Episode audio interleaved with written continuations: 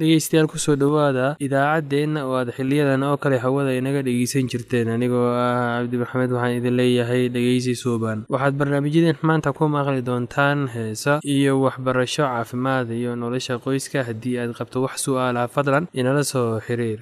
Ciwaankeenna waa radio somaly at yahu dt com. Mar labaad ciwaankeenna waa radio somaly at yahu dt com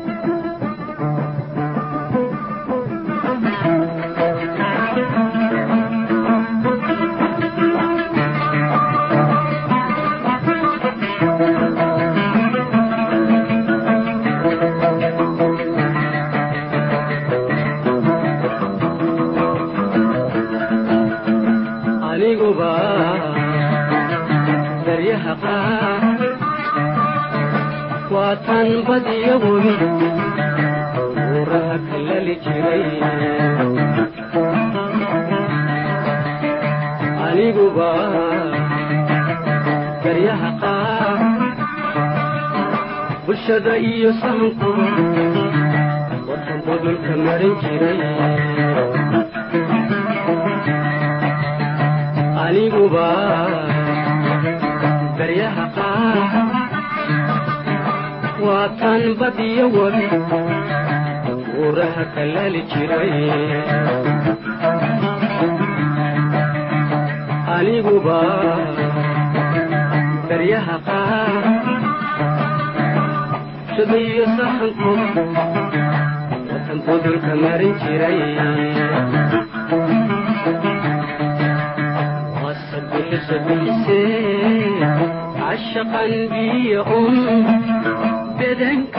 kaba jaray aligoo buseele wasabilisabilise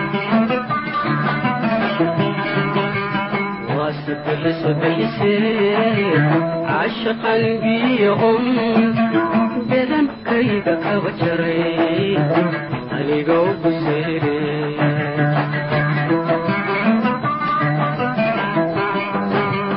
taanu beer cadaade cadaade taanu beer cadaade cadaade bukudayo naftaahaydi iyadayga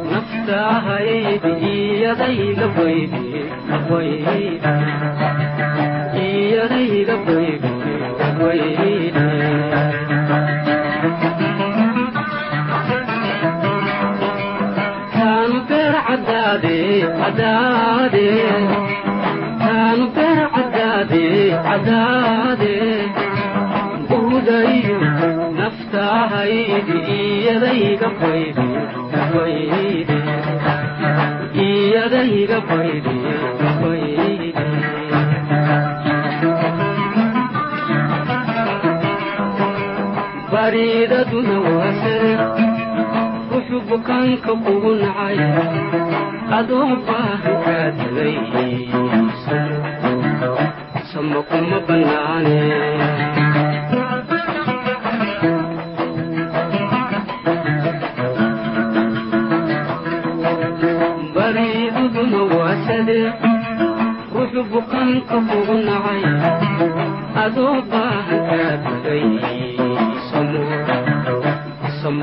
kaa tagay sama kuma bannaane bariidaduna waasade ruxu bukaanka kugu nacay adoo baahan kaa tagay samo kuma bannaane alla barasho barasho wacana alla barasho barasho wacana bi'iwaha adduunyoyi maxad laba boglaysaa howlahaagu badana howlahaagu badana howlahaagu badana howlahaagu badana aniguba baryaha qaar waa taan bilaaji beeldaaje noqon jiray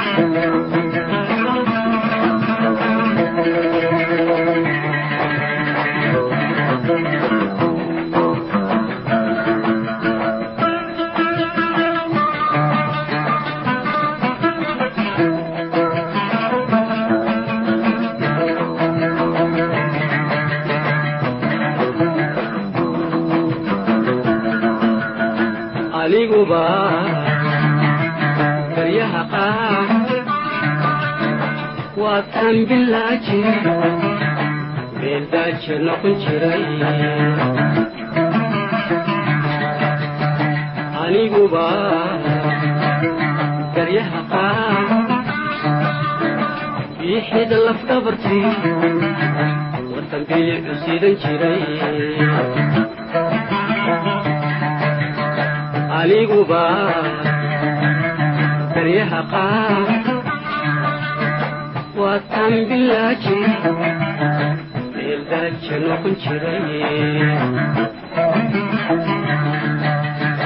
aniguba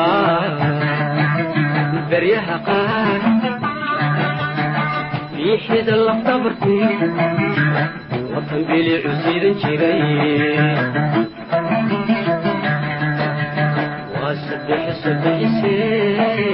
cashaqan biyahun bedankayda kaba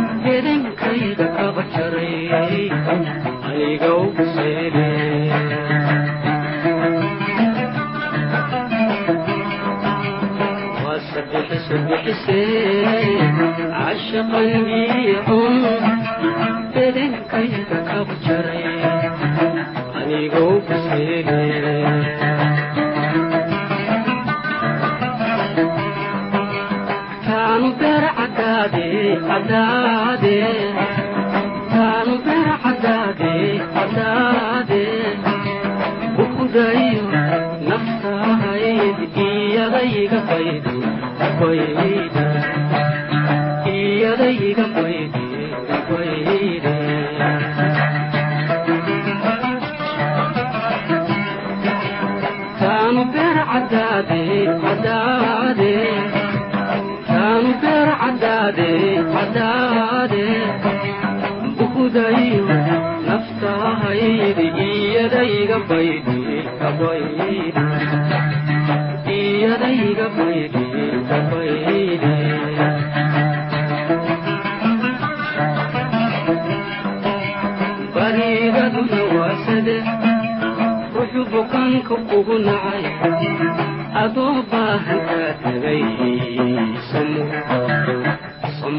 bannaane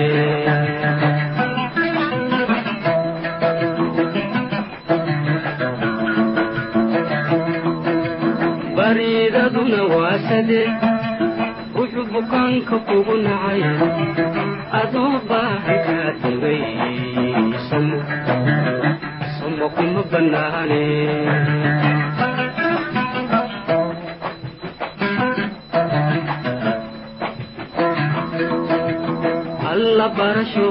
barasho wacana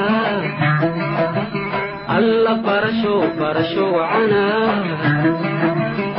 bi'iwaha adduunyoyi maxad laba badana howlahaagu badana howlahaagu badana howlahaagu badana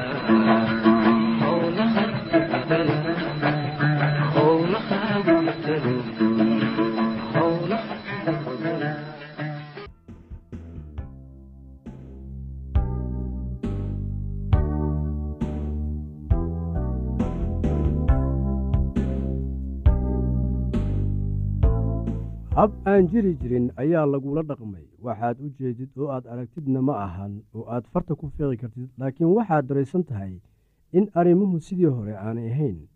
Sidii hore uma deganaa ama uma xiise qabo.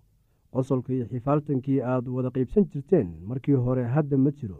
Haddii aad weydiisid inay wax dhibaato ah jiraan waxaad helaysaa jawaab qalloocan oo aan la fahmi karin.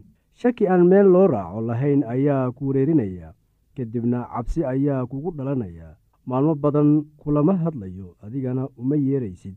Marka aad haddana ugu dambaysta kulantaan waxa aad weydiinaysaa in wax dhib ah jiro. Waxaanad markaa ka cabsan jawaabta uu ku siin doono. Dhanka kale ayuu fiirin oo garbaha kor u dhaqaajinayaa. Waxaadna ogaan in jawaabtii uu ku siiyey ay intaa tahay. Maxaa dhacay haddaba?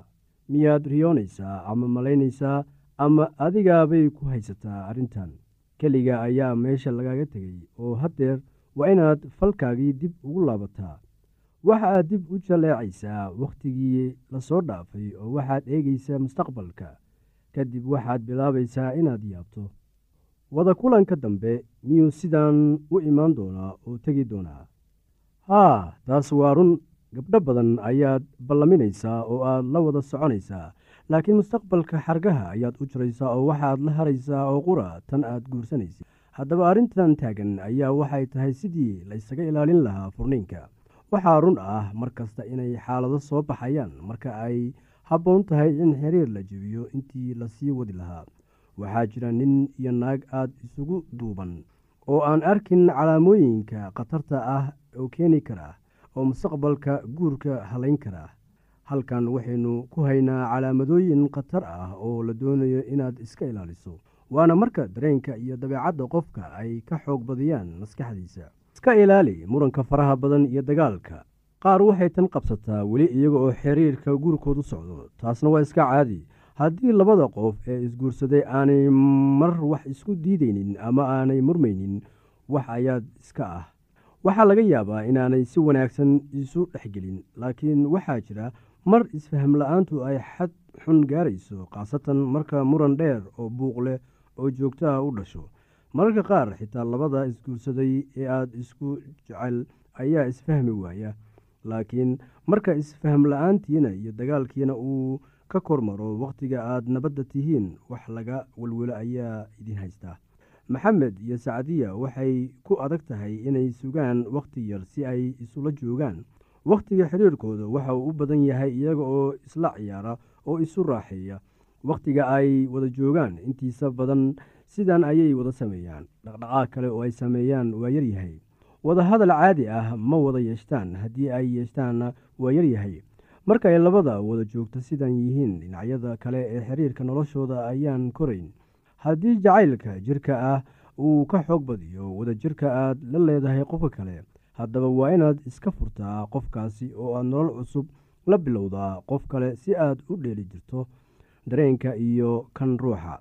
Marka labada qof isqaba ay ku kala nool yihiin laba meel oo kala fog laba waxyaalood waa in loo fiirsadaa inay ku kala tegi karaan da-da ay joogaan iyo dhulka u dhexeeya aawiisa iyo in kale. Haddii aad dhalinyar tahay oo saaxiibkii aad aadka u jecleed uu meel kale aadayo. Ma wanaagsana inaad isugu dhaarataan inaad weligiina kala tegaynin oo aanad qof kale ka dooran doonin. Hase yeeshee labada isqabta haddii ay da-weyn ku jiraan wax walba caadi ayay u soconayaan. Xitaa haddii ay ku kala nool yihiin laba meel oo kala fog. Khatarta kale ee la doonayo inaad iska eegtid ayaa waxay tahay dabeecadda xun ee isu timid. Marka ugu horreysa oo aad gabadha la xiriiraysid dabeecaddaada iyo teeda isu eeg. Mararka qaar dabeecadahan iyaga ah ayaa waxa ay iin kuu yeelayaan noloshiina waxaana idiin horseedi karaan wakhti xun. Haddii labada isjecel ee isku duuban oo si wanaagsan isula socda marka la isu keeno ay noqonayaan kuwo iimaan xun oo qaraar kuwaanoo kale ma ahan inay wada xiriirayaan si ay isu guursadaan. Mid kasta oo xiriirka jacaylka leh qof kale runtii waa inuu isweydiiyaa ama ay isweydiisaa marka aan saaxiibkayga aan jeclahay la joogo miyaan ka xumahay mise waan ka wanaagsanahay? Marka qaar waxaad arkaysaa inaabad isku gefaysaan golalkii aad lahaydeen ama dhaqankaaga. Khatartan iyada ah waa midda la doonayo inaad ka sii foojignaato xusuuso golalkaaga iyo dhaqankaaga waa waxa aad adigu tahay iyo waxa aad ahaan doontid sanooyinka soo socda. Kala tegidda ama isfuridda waa arrin xunuun badan sababta iyada ahna weeye sababta aanay dadku u doonayn inay waxaas ka fikiraan. Taasoo u horkacday inaanay baran habkii loo xalin lahaa arrimaha noocan oo kale ah ee ku saabsan nolosha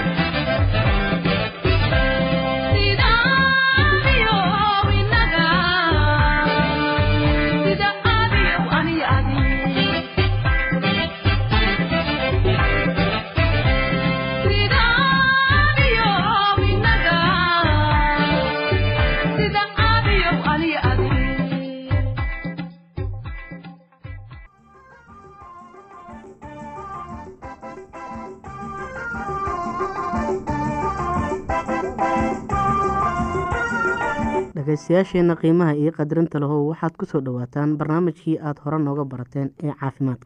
Dadka da-da ah ee aada u qufaca waa in ay sigaarka cabin oo ay talo dhakhtarnimo doontaan haddii ay calaamado qaaxo isku arkayn. Inta markii ay ka yaraayeen ama marmar dhiig soo tufeen waxaa laga yaabaa inay qaaxo qabaan. Haddii qofka da-da ahi uu qufac quro leh ku bilaabmo ama neefta dhibaato ku tahay xiiq oo cagihiisu bararaan waxaa laga yaabaa in dhibaato wadnaha uu qabo. Laabatooyinka xanuunka kulul. Dad badan oo da ah ayaa xanuun laabatooyin qaba si loo gargaaro. Nasi laabato ku xanuunaysa. Kubays kulul saar qaado dawo xanuunka jebisa asbriin ayaa ugu wanaagsan. Xanuunka laabatooyinka ee xun qaado laba ama saddex kiniin oo asbriin ah tan iyo lix goor maalintii. La qaado caano ama biyo badan. Haddii dhagaha ku dowmaan yaree qiyaasta. Waxaa lagama maarmaan ah in dhaqdhaqaaqa la sameeyo gargaar si ay u yeeshaan laabatooyinka xanuunka kulul lehi socsocod ugu badan ee u suurogeli kara. Caafimaadka iyo cudurrada dadka da-da waaweyn qaybtani waxay inteeda badan ku saabsan tahay ka hortegidda iyo daweynta dhibaatooyinka sida qaalibka ah lagu arko dadka da-da ah dhibaatooyinka xagga aragtida. Wixii ka dambeeyey dad afartan jirka ah dad badan ayaa dhibaato kala kulma aragga. Wax u dhow araggooda ayaa fogaada. Sida qaalibka ah muraayado ayaa wax ka tara. Qof kasta oo afartan ka weyni waa inuu ogaadaa calaamadaha galokoma tan indhabeelka keeni karta. Haddii aan laga daaweyn qofka calaamadihii galokoma isku arkaa waa in gargaar dhakhtarnimo uu doontaa wiilka caadada cractek iyo xidigaha indhaha horyaaca waa dhibaatooyin kale oo had iyo goor da-da la socda. Itaaldarada dadka da-da iyo cuntada.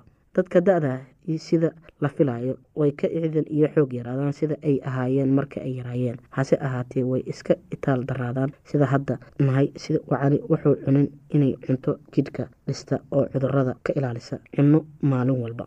Dadka dhibaatooyinka wada hadli waa in aynu cunin cisbo badan waa in miisaankiisa oo ridaa hadduu aada u buuran yahay. Haddii qofka da-da ahi uu yeesho neefsashada dhib ah ama cagabararsan waa inuu milix isticmaalin. Waa inuu cunaa cuntada ay ku yartahay milixda. Inta noloshiisa ka hadhay waa in uu milix iyo cisbaba uu cunin. Haddii qofku uu leeyahay laab xanuun ama ku dhacay dhaawac wadnaha ahi waa in uu ka nastaa meel sanqadhyar inta uu xanuunka tegayo haddii xanuunka laabta aada uga weyn yahay oo uu nasashada ku tegi waayo ama qofka calaamadihii shoogga muujiyo waxay u dhowdahay inuu wadnahu aada u dhaawacan yahay. Qofka waa inuu jiifo muddo toddobaad ahi ama inta xanuunka ama shoogga markaa uu bilaabi karaa inuu qunyar socdo fadhiisto. Hase ahaatee waa inuu isdhowraa bil ama ka badan uu ku fikiro inuu gargaar dhakhtarnimo doonto hadal loo jeedinayo dadka da-da yar ee doonaya inay caafimaad qabaan markay gaboobaan. Dhibaatooyinka badan xagga caafimaadka ah ee ku dhaca dadka meeldhexaadka ahi iyo kuwa da-da ahi ay ka mid yihiin dhiigga cadaadintiisa sareyso cudurrada wadnaha xididada dhiigga qaada oo adkaada iyo dabeysha waxay ku yimaadaan sidii qofka u noolyahay iyo wixii uu cuni jiray u cabi jiray markii uu yaraa. Laga yaabaa in aayatiinka dambe inaad in badan caafimaad ku noolaato. Dhageystayaasheena qiimaha iyo qadarinta lahu halkaa waxaa noogu dhammaaday barnaamijkii caafimaadka. Waa shiina oo idin leh caafimaad wacan